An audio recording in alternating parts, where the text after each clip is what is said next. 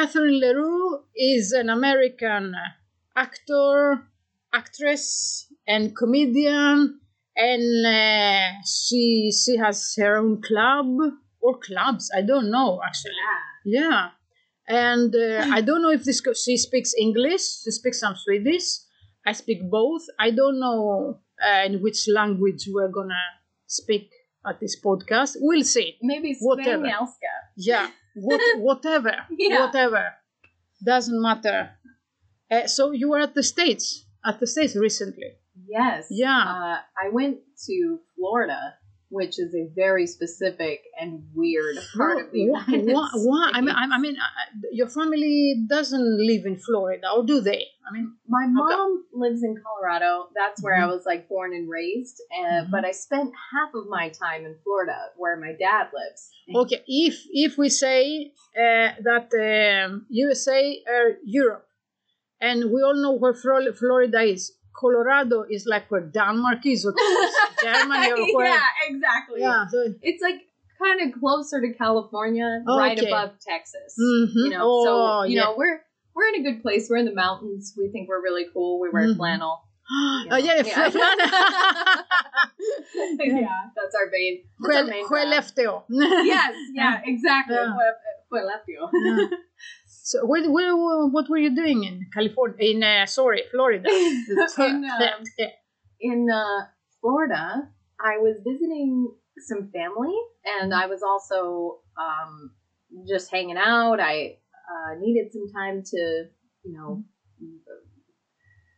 I don't know exactly. I, uh, maybe a. I don't want to even say a vacation because I feel like I needed just some time to like get- Change. yeah, change. get like my health together and like think Yeah. about what I was doing. It had been Mhm. a very crazy two years since COVID. It was nuts. Yeah. Um, but yeah, I mean, I understand that you can't really clear your mind if you're at the same place. So to change the scenery, to change your sur- surroundings, like a lot, to travel to another country, it, it, it can help you clear your mind and see things from another perspective. I mean, I'm sitting on nine years in Sweden. Nine years. The nio längre vintrar.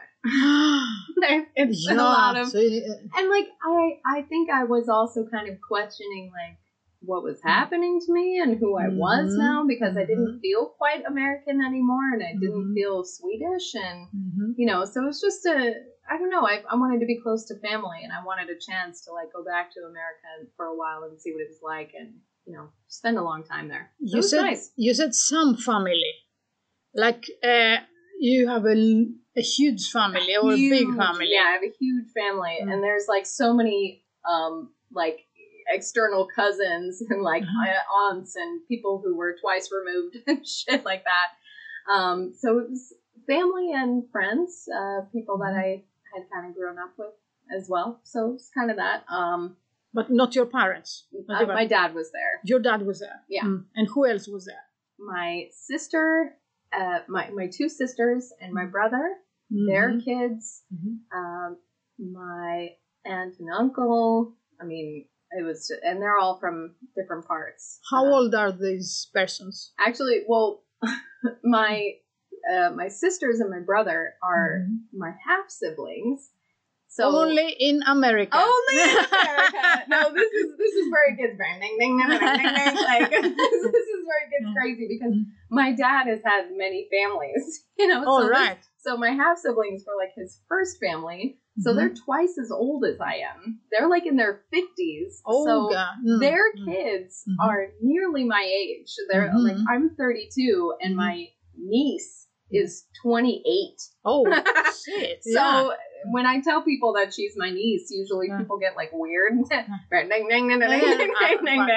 And then so I just say that she's my cousin or something Mhm. like that. It's very, uh, it's weird. But I hadn't, since moving to Sweden, it's such a long distance to get back home. And I don't even feel like that's half as long for people who live in South America or in Australia, for Mhm, example. mhm. Yes. Those places can take like 24 hours to get to sometimes by flight. Yeah. And, and a Um, lot of Swedes uh, travel to Florida. I mean, it's a very do, yeah. o- often uh, travel destination that's like very popular. Yeah. So I Mm. mean, it's I maybe in that way it does seem a bit easier, but it's still like you got to plan yourself. You know, Mm. sixteen hours, twenty hours, or something like that, Oh, from yes. door to door or something, and it's you know, so why it's gotten harder and harder to see family over the years. why did you need a, a change of scenery? Um, I was depressed, Mm-hmm, um, filled with lots of anxiety and depression, and um, it was uh, weird because I think things were kind of elevating for my career. Like I started to make some big moves. I got this Yes. thing on SVT. I Yes, you did. Yeah. yeah. you were on TV. I you was were on TV. Yes, you had your TV. own episode. yeah Like um, uh, uh, you, you had the idea. You were on Yeah. this, yes. So it was your. I mean, it was not like Oh. you were in that. It was your. Oh my god! uh, I can't believe they let episode, me do that. I can't believe they let me do that. They Mm. wanted to create a satire show about controversial issues, Mhm. and I was like, "Let's talk about weed." And I like It- it's on SVT, SVT and and it's called Scob. Scav. Yeah, And Scav. Yeah, it has to be uh, uncomfortable. Yes, it Yes, has to be yeah, uncomfortable. yeah. Yeah. exactly. And there's a couple of other comedians on there with different issues, and they picked their own topics and Mhm. wrote their own shows as well.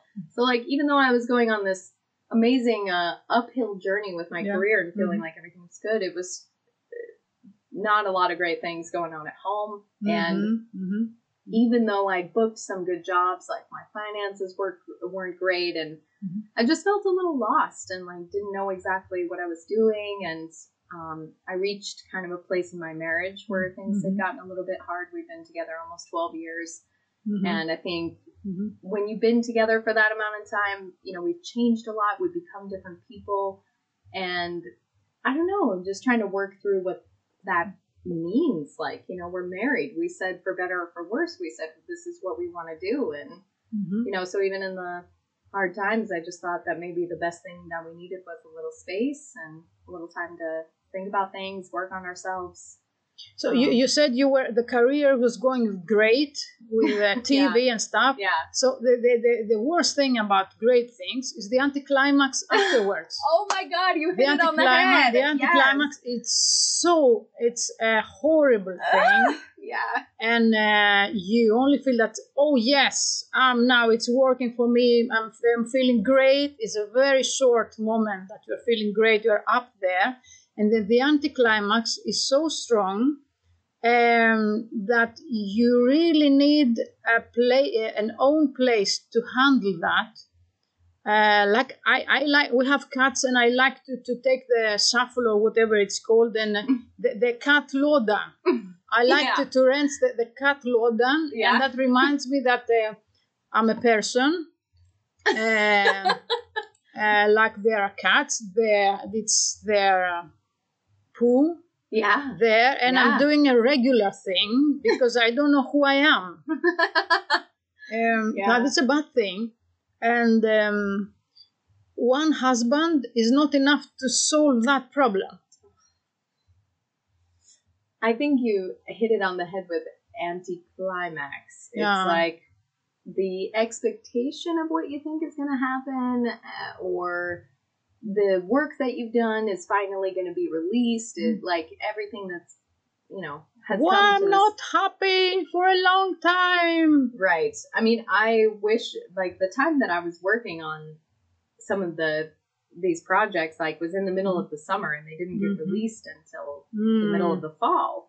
So I mean, the time that I was really excited about it was Mhm. the summer, and I wanted to tell everybody. And you could, That you was did my climax right there. Yeah, but Yeah. you couldn't. No, You're not no. allowed to Yeah, say yeah, a yeah. word. Oh God, yeah. And I think the worst still is. What, what, what, what was the most exciting oh uh, thing? I think this is uh, this is gonna sound really um, weird. No, but- it's not. it's not. because the I did so many exciting things. I like got to travel for the episode. I got to go see uh, this New- guy's weed farm in in uh, Skåne. Or Like you haven't been there before. I haven't been there before. I Meet new that. people, new see new people. stuff. Oh God, You don't know how it's gonna work. There's a bit of uncertainty, Yes. expectations, and spirit. the, the most exciting moment for me was I mean, so I had to write a 15 minute script. Scary. Oh, Oh my but god. exciting. That but needed scary. to be filmed. And you know, and you know from doing comedy and everything that, you know, writing five minutes takes Is like, oh my god, it yeah. takes a while. Like takes uh, a- ri- writing five good minutes. That is. exactly. Yeah, like exactly. you can Oh, write yeah, an hour. I can Oh, write yeah. an hour, no problem. Like five exactly. good minutes. Oh my gosh. So, like, the most exciting thing for me was that we'd gotten a decent amount of the way through the writing process, and then I had to have a meeting with a, an editor who goes Mhm. over a lot of SVT's projects, and then he was gonna like look at the format Like from le- beginning to leg- legally or creatively. creatively, Okay. Mm. um, and also legally. Mm. Um, I think that if anything was problematic, that was the meeting that was going to be taken up. Mm. Um, and to hear Tell the- us what what the, the the episode was about because maybe not everyone has seen So the episode is called Read, and Mhm. it's about legalizing recreational cannabis in Sweden. Mm. Um, there was a lot of uh, problematic things that we couldn't get into, like uh, medicinal marijuana. Mhm. Like we couldn't talk about things like that. I Mhm. couldn't say that uh, marijuana was harmless or talk Mhm. about the effects or anything like that. It was Well, just, we don't have the answers. We, as a comedian, you have the the, the questions. Exactly. The questions and The questions. the answers in the episode were meant to be factual. So we I Mhm. had an editor who was a part of the research team who Mhm. would like look up all of the facts and like Mhm. so half of the episode is really just me like spitting facts back at Swedish people. Mhm. Um, and uh, so like after I'd written and, and you know it was it was so scary writing jokes. I think I, I especially being a girl Mhm. surrounded by dudes constantly, I was Mhm. very afraid that everything I was writing wasn't gonna be funny. yeah. Um, I had an amazing editor, her name is Tiffany Kronlove, who Mhm, helped me edit the episode, who's like fantastic. But so the most exciting moment for me was meeting this like huge editor, this screenwriter, this like dude who was gonna tell me if this was good or not Mm. we have this long meeting, an hour long thing. We break down every moment of the episode, blah blah blah. Oh wow. And he walks away, and we'll be, I mean, he's there to fix it. Like that's his job is to Mhm. come in and take whatever turd Mhm. we made, and like turn it, polish it, and make it pretty. And he walked away Like he's there. authority. He's the authority. He, there is an authority. yeah, Ah. I I mean, Yes. So you- an authority, but in like you know, someone that will say that. the, you are it's you're good enough or you're not good enough. Yeah, essentially. That was going to be this person who came in who hadn't been a part of the process, who was just jumping in to look Yeah. at the script as a whole and go, okay, Mhm. what are you going to do with this? Mm-hmm. Um, so that was a, when he left, um, he was like, you know, I think you did a really great job and this is going to turn out awesome. Mhm. So, so uh, you did that, and your career was at this perfect place, and then you had the crisis at home because because you had to crash some someplace. Yeah. And I think Yeah. after the episode aired and after even, even after the episode aired and I was booking all of these great gigs, Mhm. for private events, for Mhm, writing, for all mhm, this great mhm. stuff. I felt Great. like, Mm. yeah, it, great, right? Great. But for some reason, like after it aired, like crash, you know? yeah, like because you train the muscle, and then the muscle has to break down, yeah, and you have to crash in pieces and get together again, but, but in another form, Mm. in a better like, What do I do now? Yes. after that, you know. Oh, so yes. even though I was still doing stuff, and I think that's the other reason why I needed to take a break was because I just kept doing things. Like Yeah. I wasn't really thinking about what I was doing. You don't, anymore. you not think because when you get at this branch, when if you get an opportunity, you grab it. Mm. the opportunity there are like Absolutely. 20 other persons in line 100 other persons in yeah. line you just get and you like it i mean Mhm. it's great but you don't have this um, thing uh, what's called in the ordinary life yes weekend it's called weekend yeah, it's called right, weekend right, weekend. and after work it's like when you can take a break Mm. do stuff other stuff Mhm. and um, process Yeah.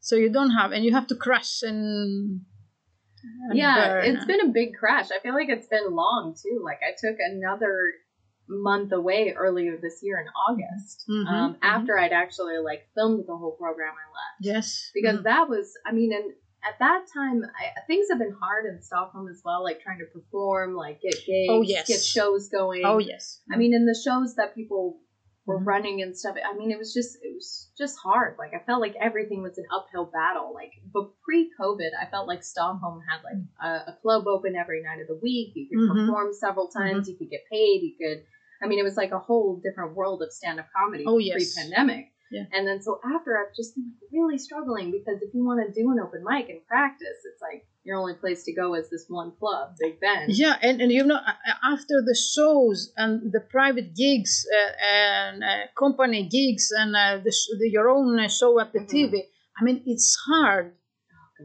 to Yeah. go back to the open mic and test new things. Oh my God. You need to to lay back, and uh, you have you- you're you're tired, and I mean, you you you, you need new things. yeah, You have to find yourself again to reinvent yourself, definitely. and you can't be at the same place. You need to take a break Yeah. and process emotionally and. Uh, I haven't been good at that. I feel like ever since because I got out of I, I went to acting school in Los Angeles. That's where Okay. I met my Mhm. Swedish husband. mm. So ever since I went to acting school how did you meet? Did you- We went to, to the same acting school. All together. right. Yeah, he Mhm. wanted to be an actor at that time. Leo. Yes. Oh. But I think he may have wanted to just escape Sweden. Like I don't know how Uh-huh. passionate he was about acting because he doesn't really do it anymore. Mhm. But um, ever since I left that school, all I've really wanted to do was acting. But I've ended up here in Sweden, and I've taken all of these other routes to and I, I feel like that's how it is to be a modern entertainer you like have to know how to do everything like podcasting and youtube videos and um, doing shows and um, learning how to write for tv and all of this stuff so And i to be an entertainer uh, that speaks English in Sweden is a rough ride. yeah Is a rough ride. how is it like because you do both right What I You do did both in- in uh, the beginning. what do you I did think about it? English and I did uh, Swedish. yeah And I, I dare say that I was better in English because my references were in English. yeah I Yeah. came to Sweden uh, 34 years old, hmm and English was uh, my first other language, hmm and then came Swedish. But I came to the point when I had uh, more than four minutes material, hmm and I have a how um, uh, hundred percent job, or how do you say it in uh, in uh, English? yeah Healthy job, yeah and I had to choose. I, I didn't have the time because you have to develop the material, not exactly the same material. You have to develop material in English and in Swedish. And I said, Elena, you have, now you have to choose Mhm. which language. And I understand that if I want to go inside people's hearts hmm and stomachs,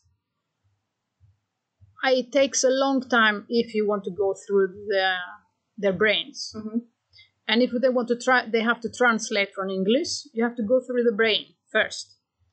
Okay, so here's the other thing for me that I think is really interesting because Mhm. now I've been really focused on Yeah. joke writing. Mm, Um, nice. Yeah, because it's it's so Nice. It's, the fundamentals. But I used to get into conversations with people about which is more important. Mm. Is it the delivery and who it's from, like what you're talking about? Like, Mhm. is this joke? Does this joke work because this person said it and the Mm. way that they said it, Mm. or is it the joke? You know, like some jokes, uh, like is it the writing or is it Mm. the is it the performance? Is it the delivery? Well, the, the, the only uh, authorized to have an opinion about that is the audience. A hundred percent. If you get the laughs, then you're okay. Yeah. You're cool. yeah. If you get the laughs, then it's okay. I think it's 50 50. I think you need good writing, but I think Mhm, that mhm, if mhm. its effects are as potent or as good as who's Mhm. delivering it and how they deliver it. Mhm. Because some jokes, I mean, the, the comedians that we celebrate or like the people that we think are, and it's the funniest thing Mhm. because comedy really doesn't last. It's like many Mhm. jokes that we look on that we told 20 years ago, even, are Mhm. so irrelevant. And yeah, oh yes. you know, not- they, don't make do any not sense. age well. they don't age well and like they and they make us look like crude horrible Yeah, assholes yeah. but you know in the moment that we said them it was really true Yeah. like poignant good points to Mhm. make but so it's so i just think it's really interesting like that and i've been trying to focus on that i've we were talking about the clubs that i own but i part of the thing that i did this fall was to stop show running so that i could Mhm. focus on joke writing because Yes, yes. it was the most I, I realized that I'd never really given it that much. Is it true that um, uh, a lot of uh, people say that that if they got a club, I, I mean, you become someone in the in the branch. I mean, you're someone with a pondus Mm. that you don't have if you're not running your own show, if you don't have your own club. Uh, but at the same time, you focus on attracting audiences, on selling tickets, on uh, booking comedians, Mhm. on so um, the organization part of that, Mhm. uh, that you cannot develop your jokes. Yeah, exactly. Yeah. It's a big, I mean, there's so many advantages to improvised performing with MCing, for example. yes. I think that's very valuable. Oh, so yes. I feel like I got a lot of good skills out of Mhm. running a club for that example for MCing every week. But um, yeah, just never worked on material. It was like in the moment or like when I randomly saw Uh-huh. something, I Mhm. just, Mhm. because all of that other aspect of show running, all of the Mhm. things you said, Mhm. totally on point. It's so much to think about. At the time of doing it, it was also getting to meet other club owners. I mean, club Yeah. owners basically, you know, get to know other club owners and we pass each other around spots because most of them are comedians Yeah, yeah. in Sweden. And that was like a really valuable part of the experience to get to know all of Sweden as a whole and not just Mhm. Stockholm and try to book people from Oh, yes. And Malmo and, and Umeå. And It's like a step up, or, or, or five steps up. if people, Yeah. yeah, and, and the some people- perspective is uh, amazing. And some people like club running is too hard, man. I I can't tell anybody to do it honestly. Like, I mean, I don't think it's for many people. I think if you're gonna club run, then you better know Yeah. what's coming to you. You ready Yeah, to be a mom of fifty fucking people? Yeah, Like, a- a- and it's like you, you are fighting with the most, uh, with one of the greatest and uh, most important aspects in comedy, the venue. yes, The yes. venue. To keep Um, it, to find the venue, to develop the venue, and keep the venue. God, yeah. And now we're in the process of keeping the venue after COVID, Mhm. and also like dealing with club owners and Mhm. comedians, and oh my god, it's just a nightmare trying to Because they can get a troubadour, and uh, Oh that's. Uh, uh, mm. and it's and the thing is is that Swedish comedians have no Mhm. we run a completely different system here Mhm. than many other parts of the world not just. America it's developed world yes. the uh, the tell me about. Tell me more about. so like in America maybe in the UK and Australia or other places they um, other parts of Europe you have to pay to get on an open mic night Oh yes. you have to pay five bucks you have to pay 50 kroner to Yeah. get onto an open mic night Mm. and that makes total sense to me now Mm. because I ran open mic nights and know that you make no money doing it. So the Yeah. people that are going to put the time into giving the Mhm. comedians a space to perform, like you're Yeah. going to give me some money to be able to do that.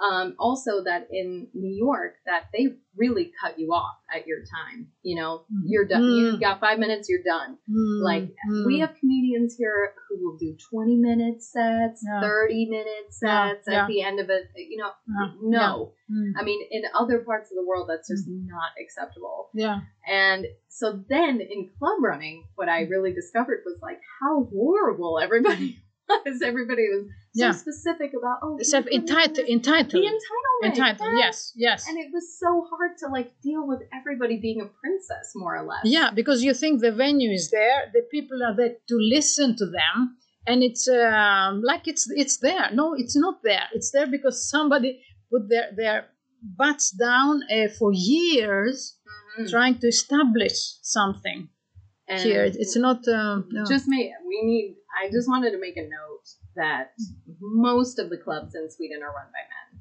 Yeah. and that i love like we talked a little bit about being a woman here. Mhm. and i feel like in sweden it thinks it's super progressive uh, in terms of feminism. Mhm, but i st- all of the things that we're talking about about feeling you know um, not good enough like Mm. feeling that men are complacent about listening to us i mean Mhm. all of these things are like super important and you know women still don't make as much as men here and like we Oh. don't have half enough comedians Mhm. as we need on stage and And the, and the first ones to unbook an evening are women. Ugh! I yes, if you that. have, you have ten uh, comedians, uh, the first ones that uh, we'll cancel co- that cancel are women. chicks it's always the Mm. fucking chicks and I, and I because they have social life. they have they have a social life. they have a They better social place to be. They have have something else to do. to be. And when they're sick, they don't go places. You know, men are just like, I don't give a shit if I'm sick. Fuck it. I'll give everyone chlamydia. I don't care.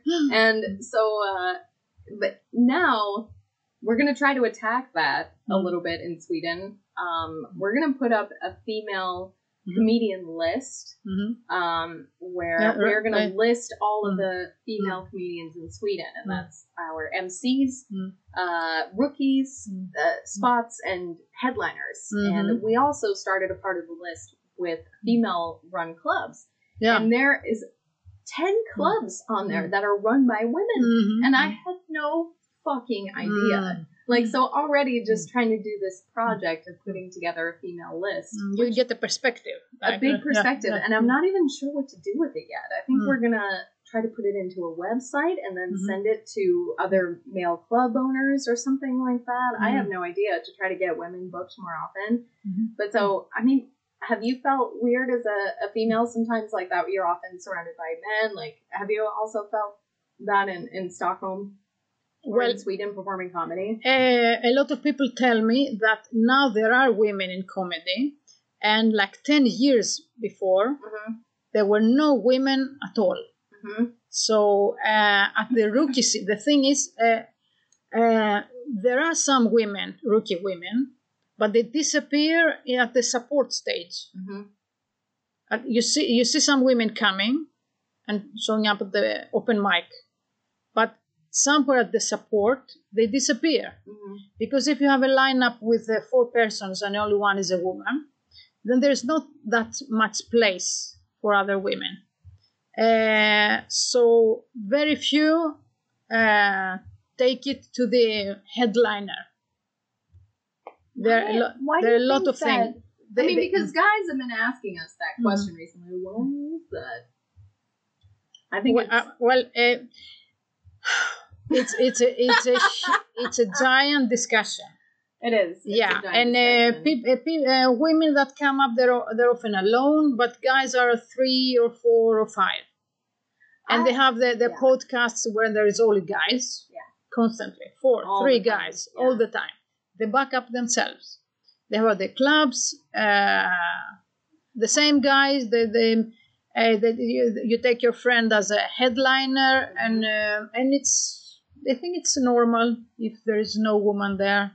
I think Right. that makes sense as Uh, well. I mean, we've talked about this a little bit where, you know, because Uh, women feel uh, the open mic world is a jungle mhm, uh, and uh, a woman has come to get inside without getting an approval without getting an invitation without getting a feedback and you have to have to be tough mhm, uh, a lot of men get inside and um, they're tougher. They can uh, they can sleep outside the club every night to get maybe some place on the spot. But a lot of people take, oh, you are nice. Let's let's hang mhm, afterwards mhm, and have two beers. mhm. And they get the buddies and uh, they get invited to each other podcasts and uh, some uh, rookie night. So they the buddy stuff, I think the buddy stuff I think the buddy stuff is huge, Yeah. and also that at an know, early stage. remember that when men are on stage, men come to see them mostly. I Mhm. mean, there are some women, obviously, that like Mhm. are listeners or, or fans of the male comedians and come to see them. I'm obviously a fan of like Mhm. many male comedians and paid to go Mhm. see male comedians perform. Um, but I have had the experience only a handful of times in my life where there Mhm. was like an all female show or like Mhm. maybe there was a female headliner, so like Mhm. the audience was more than 50% female. Mhm. I mean, it makes a gigantic difference on because all of a sudden it isn't just how we're telling the joke, it's who's receiving it. Like, who that's important too. Like, you know, in Oh, talking yes. about comedy, you know, because sometimes I'm telling these jokes that I've realized I totally built up this entire porn routine Mhm. based on how I view men and Mhm. tell it to men. Mhm. And if I think about telling it to women, it's like a completely different scenario because it means something different. Porn Mhm. means something different to us than it does to them. So like I maybe that's it, you know, that by the time we're gonna reach that headliner stage that we're filled with rooms of people who don't necessarily understand our perspective that much, that it's like maybe it's not as effective and, and like as it would be if we got tons like mm-hmm. Johanna Nordström, for example, who mm-hmm. has this enormous following, Yes. um, uh, where she was able to sell out Globen. Yes. Like I cannot imagine being her. I cannot imagine like you know thousands of people who are probably all young girls basically Mhm. to go uh-huh. to see her perform that love everything that she's about and what she's doing. I feel like that's a privilege, like something that many female comedians don't have in general, but especially here in Sweden. I know, but male com- male comedians they have both uh, male and females at the audience. But uh, female comedians, uh, it's not that both men and women are equally that's happy. also true, right? Yes. Yeah. So uh, females are more adapt to to, To laugh, male comedy. to than- laugh Right, but I think it's both because than uh, male, uh, but, guys. Uh, it's been exposed to us for longer. I Mm. think we've been grown we've grown up with male comedy as Mm. opposed to like a ton of female comedy. yeah, I mean, I don't know. It's coming. It's coming. yeah, it's coming. We have to be tough and we have to support each other. Woo! We have to be buddies. We're buddies. Yeah. Yes. Oh yeah, we're buddies. We're buddies, and uh, you have to be buddies because someone has to support you. Yeah. Who do through, through the rough times and the good times, and have a beer afterwards, Mhm. and come together to the to the club Definitely. and take your picture because uh, it's it's. I mean, it's bitter that if you're among the best at one evening and the guys tag each other at the social Mhm. media. And nobody's tagging you. Oh, it's a Yeah, little the- things. Though yeah. that they were much worse, but their bodies. The invisible woman Oh. at the, at yeah. the, at the lineup. Mm. Man. If I had to count all the, the the times that I've been really good and never tagged, but some of the other guys were tagged. Mhm. Okay, yeah, that's a thing. Yeah, yeah, it is. Yeah. And it's and I think through their eyes it's not even intentional. Like they're just not even paying attention. Mm. You know, they're just like, oh, I tagged my friend Sean. That's all I'm gonna do tonight. Yeah. Well, you know, that's a very huge uh, Topic. topic. Um, I'm going back now to your depression. Great. Yes. What's depression and how did you experience that? What, what did you do or did not do when you had depression? Um, I have been experiencing depression for the better part of two years, I think. Mhm, Um, And it's just gone through up and down phases, really, where I thought I had eliminated it. Mhm. I thought it was gone, but it wasn't. It was like, How does it feel like? it's like, I don't know, it's not necessarily feelings of wanting to kill yourself, but Mhm. it's like that nothing really seems worth it. I just want to stay in bed. I just Mhm. want to like stay home Mhm. and smoke weed and drink Mhm. or Mm-hmm. you know play with my cat for 10 hours you know Mhm. or um, where i don't feel good enough for anything or just the thought of going outside and doing a comedy gig Mm-hmm. uh, fills me with anxiety and anxiety is like i've I had to look at this now anxiety is when my blood pressure literally goes up i can feel my Mhm. pulse race i'm breathing heavier Mm-hmm. it's like i'm, I'm scared you know Mhm. filled with anxiety in a, in a moment where nothing has even happened Is it only com- a comedy, stand-up comedy, that uh, you got uh, anxiety from, or other stuff? Oh, No, I think it's I think it's other stuff, and I'm actually going. So my process. Um, first, I went to therapy. I went to KBT, Mm-hmm. uh, cognitive behavioral therapy in Yes. English, and that was incredibly helpful. Mm-hmm. And that's when I thought that I released myself. Was it a group in a group or It was with a single therapist? ther- It was yeah. a single therapist, Yes. and I felt like the Swedish healthcare system really. Mhm. I I Yeah. so grateful. I was so grateful for the help because they really helped me when it was Mm-hmm. at my worst. Mhm. Um, and I did some couples therapy with my Mhm. husband, which was also incredibly helpful. And I think I've done three. I've and I done mean, three. Yeah. I I have to say, really, at the, the first one, we were, we have been together like twelve or thirteen years, maybe maybe more years. He said more in that one single session, the first one, that he had talked to me about uh, emotions for all the fifteen years that we've been Oh together. my god, same.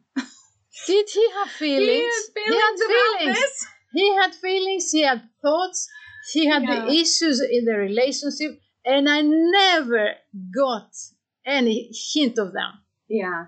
He said things at the therapy. I said, Who's, who's that? Yeah. where does that come from? Same. He's oh my god. Speaking. Keep it all inside. He Just had keep it all feelings. Yeah. Uh, that first session, same experience. Because as long as uh, he- uh, it started hitting a little bit, he would just left, leave the room. Mhm. I'm not saying that I like conflicts, or but I'm Greek. Same. I'm Greek, and uh, sometimes I, you have to stand up. You have uh, daughters. You have to stand up for yourself, Mhm. not to be quiet like my mother. And but he he lives there. I accept that there are people that they don't want to take a conflict. It's okay. But in with just one couples, in in our therapy session, in the first one, Mhm. same experience. I was like, "Who? What? You feel that way about that?" And then the other thing that was funny about that happened uh, in our session because I'm American and Mhm. I'm not afraid of confrontation. Yeah. In fact, I think it's healthy. Yeah, like to have a little it- it confrontation. clears the- air. Yeah. I, I hate confrontations. I mean, a conflict red, but it does clear the air afterwards. It's like I know that it's going to have an end. Like the Mhm. conflict is going to have an end if we just get it out there. Mm-hmm. But they brought it up in our therapy session that the the therapist that we have was saying, okay, just remember, Catherine, that you have culturally a different outlook of handling conflict, okay. and that he's Swedish, and that Mhm. you know the traditional way of Mhm. dealing with this is to not deal with it Yes, or yeah. to let it pass, Mm. you know, for a long time without Or have a about it. drink like a Or regular. have a drink. Yeah, have a drink like a European. um, so that was so funny, like to be in there and go, "Oh my God, you're so right." Like maybe we do just have differences like that. Um, but now, like since I've still gone through all this therapy Mhm. uh, and do feel like I have anxiety under control, do feel like I have some of the depression under control, I still feel bad. like, what did they tell you at the. KBT? At the KBT? At- COVID they asked me a lot of questions. It was Mhm. like basically trying to find a roadmap for why you feel Mhm. the way that you do about certain things.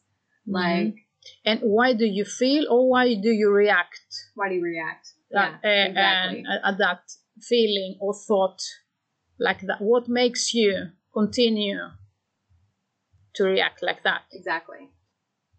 Um, it was, yeah, it was, you know, the early sessions, I remember the therapist just walking me through it, my day and Mhm. asking me to stop when I started to, okay, does that make you feel anxiety or does that, you know, okay. Mhm. well, why did you know? Because I realized that I was having anxiety about pretty much everything.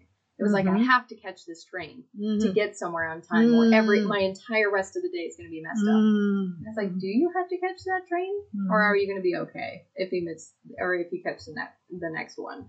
You know, it was like those little things. Yeah, you that- understand that, but it, it it's it's there. It's internal. Yeah, Like it's it- anyway. to get rid of it. Yeah. And then later it turns into the really big things. You know, it's Mhm. like why did my dad act that way? Uh, Oh. And how did I, you know, why does that still bother me?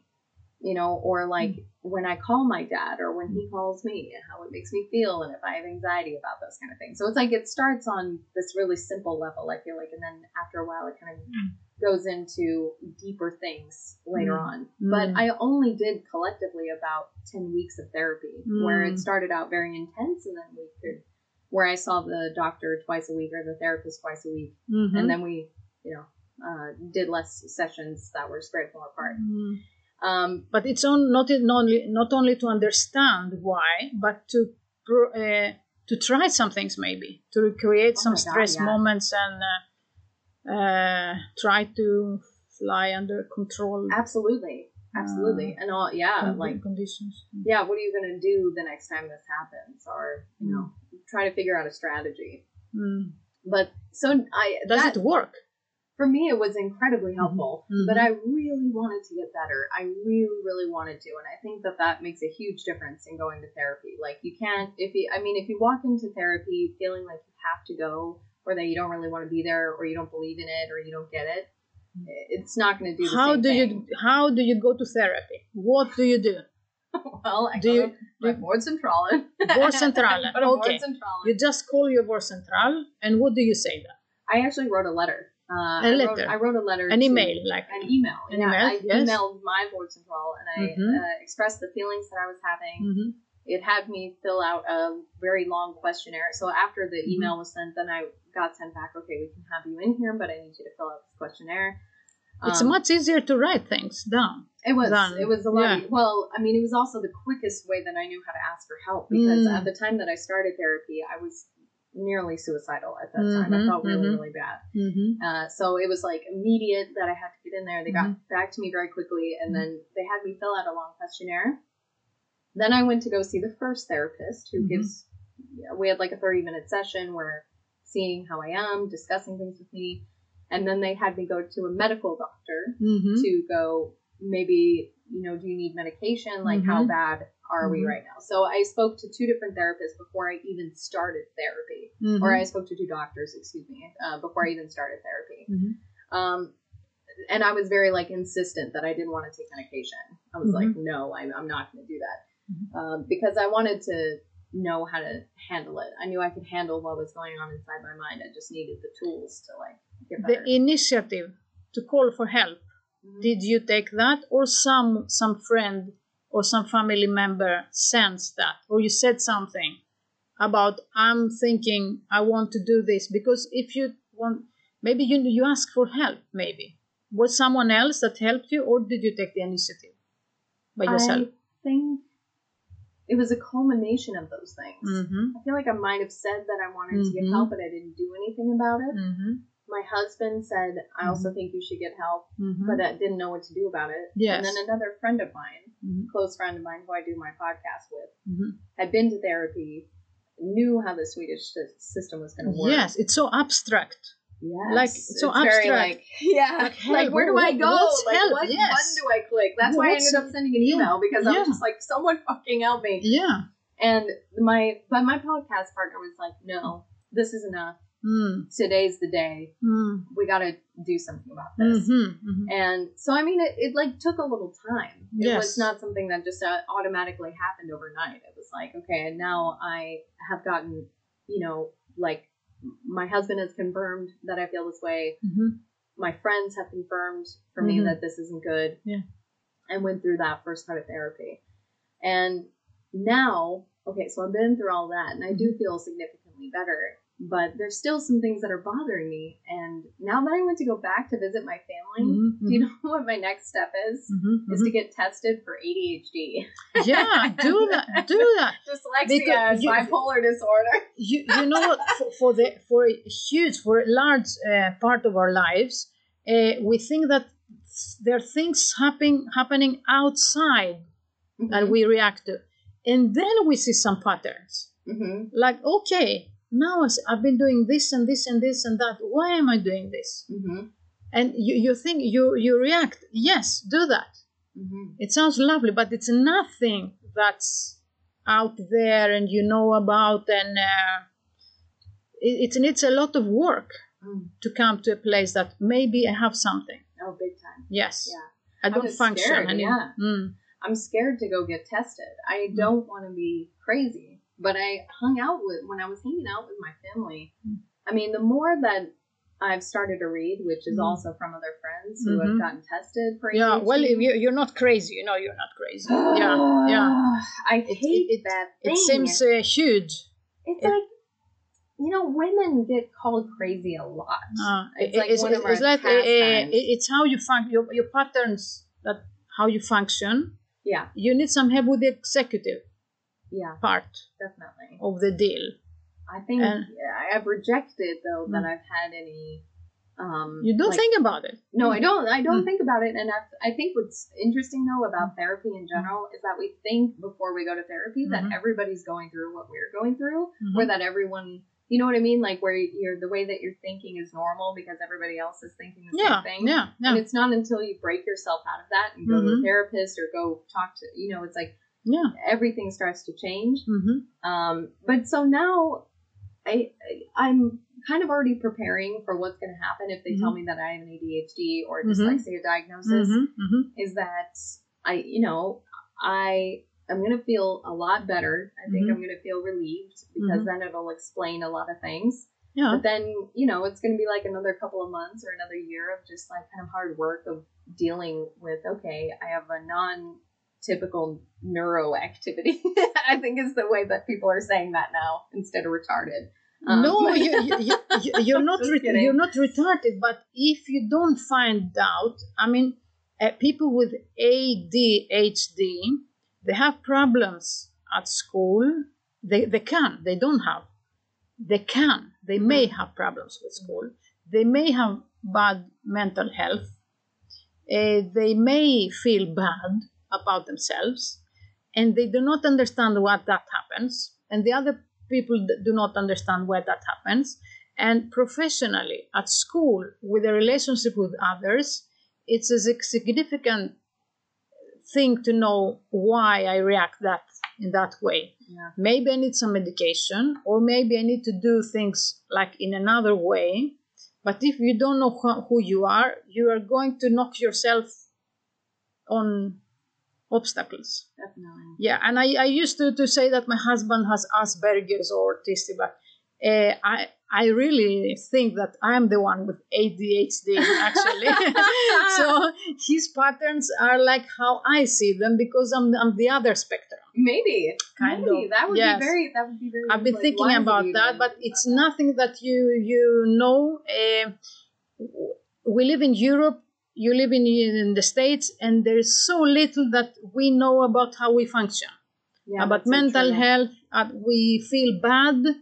We have these things, this panic, this anxiety, and uh, it takes so so much before we. And I think that's been like the worst part of the journey so far was that I really thought this whole time that it was nothing to do with actually what's like neuroactivity that's going Mhm. on in my brain. It was Mhm. conditional society. things. exact It things that happen outside. Right. Yes. Like so I was like, I can fix Uh-huh. whatever that is. But Mhm. like now, you know, one of the worst things that I, I have, which many people don't know unless you're quite close to me, is that I Mhm. have a temper.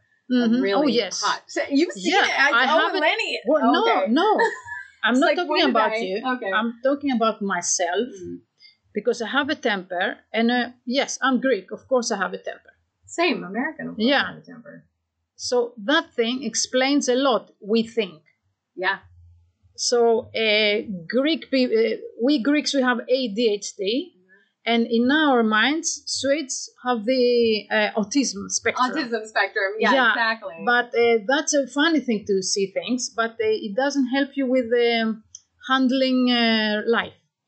I just realized that the more that I started to read about ADHD and the Mm-hmm. symptoms of it, that and family members that had Mhm. never been diagnosed, Mhm. um, Oh, yes. my mother and my sister and my It's dad. like and, 50 mean- to 80 percent. oh my god! And, That- and it was uh, Yes. so it was just very like Up to 80 percent. That's nuts! Is it Yeah. eighty percent of people? Yes. Okay. Not it is. It can be. Up to, can be. can be 50 to 80 percent. That's like oh, it's. uh, and so I mean now it's not you. It's them. It sure Well, is. well, I didn't uh, come like. But I mean, uh, if you grow up in, in uh, that situation, then it feels quite natural. if, especially since my mother like had such a hot temper when I was growing Mhm, up, that mhm. became kind of less um, Obvious or, or it- it- questionable. like uh, less uh, hot over time. You know, it's like you know she like learned to like you know to Mm. temper down her temper. Wait, what am I trying to say? I mean, like she she tried to you know get better at handling her temper. Well, the, the thing is, people uh, with uh, uh, NPF, uh, other people mature, their brains mature. The, the brains are, are uh, ready. Um, they've done their job in uh, developing when you're 25 years old. If you have a, diagnosis, it can be 40 up to 40 years old. Mm-hmm. Mm-hmm. So when you get 40, then you take it easy. But so now I'm in this like very strange place where I've been through a lot of therapy. I'm gonna take this next step and like find out about Mhm. even more about myself uh, before Christmas, and like I'm excited about it. My husband is doing the same things. Mhm. He's also going to therapy and trying new things, and like you know it. So it's been it's been a hard time. But I'm gonna glad after that this uh, episode, and now we have to wrap it up. Now we will be we have been talking and talking. I mean, I uh, do that. I'm gonna contact you and uh, I want to know. So I want to know about it, the Yeah, details, you. because Yeah, I'm totally interested, and Yeah. I'm interested about myself as well. Absolutely. I want. To, I'm curious. I'm uh, learning things, and I said, okay, that's about. It's Right, not things happening. Right. It's not life. It's Mhm. not that thing. It's not my family. It's not his family. It's not my husband. It's not my children. Yeah. It's what's the the main the pattern. I'm What's I'm pattern? what's what's what's what's the main the common I'm the common thing happening in my life. So I want to know about it and um, yes, know. And definitely. Look, don't forget Uh, that everyone around you is inadequate. okay. no, I'm I mean kidding. I'm just uh, kidding. I'm we are we are people. We are um, by definition inadequate And because I still think We that that humans. there's plenty of traumatic things that happen to us that make us the way that we are. I think it's like a culmination of those things. Of course, looking at ourselves is the single most important thing that we can do so that we can like you know maintain a, a bigger picture and a control over ourselves and a better understanding and awareness. It makes better relationships. It makes us better.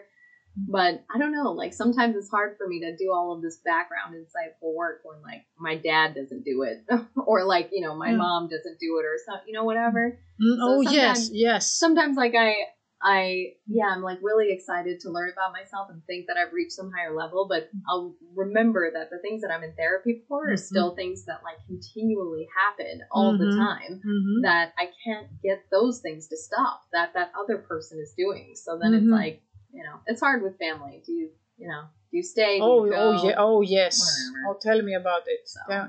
Uh, Catherine, Yeah. thank you so much. thank you so much This conversation is not over. I'm going to call you and uh, I'm going to contact you about how this thing is going because I'm personally interested in doing it myself, yeah actually. absolutely And I'm 52. Mhm. Oh my God, I've been having panic and anxiety Oh. And uh, tics and stuff.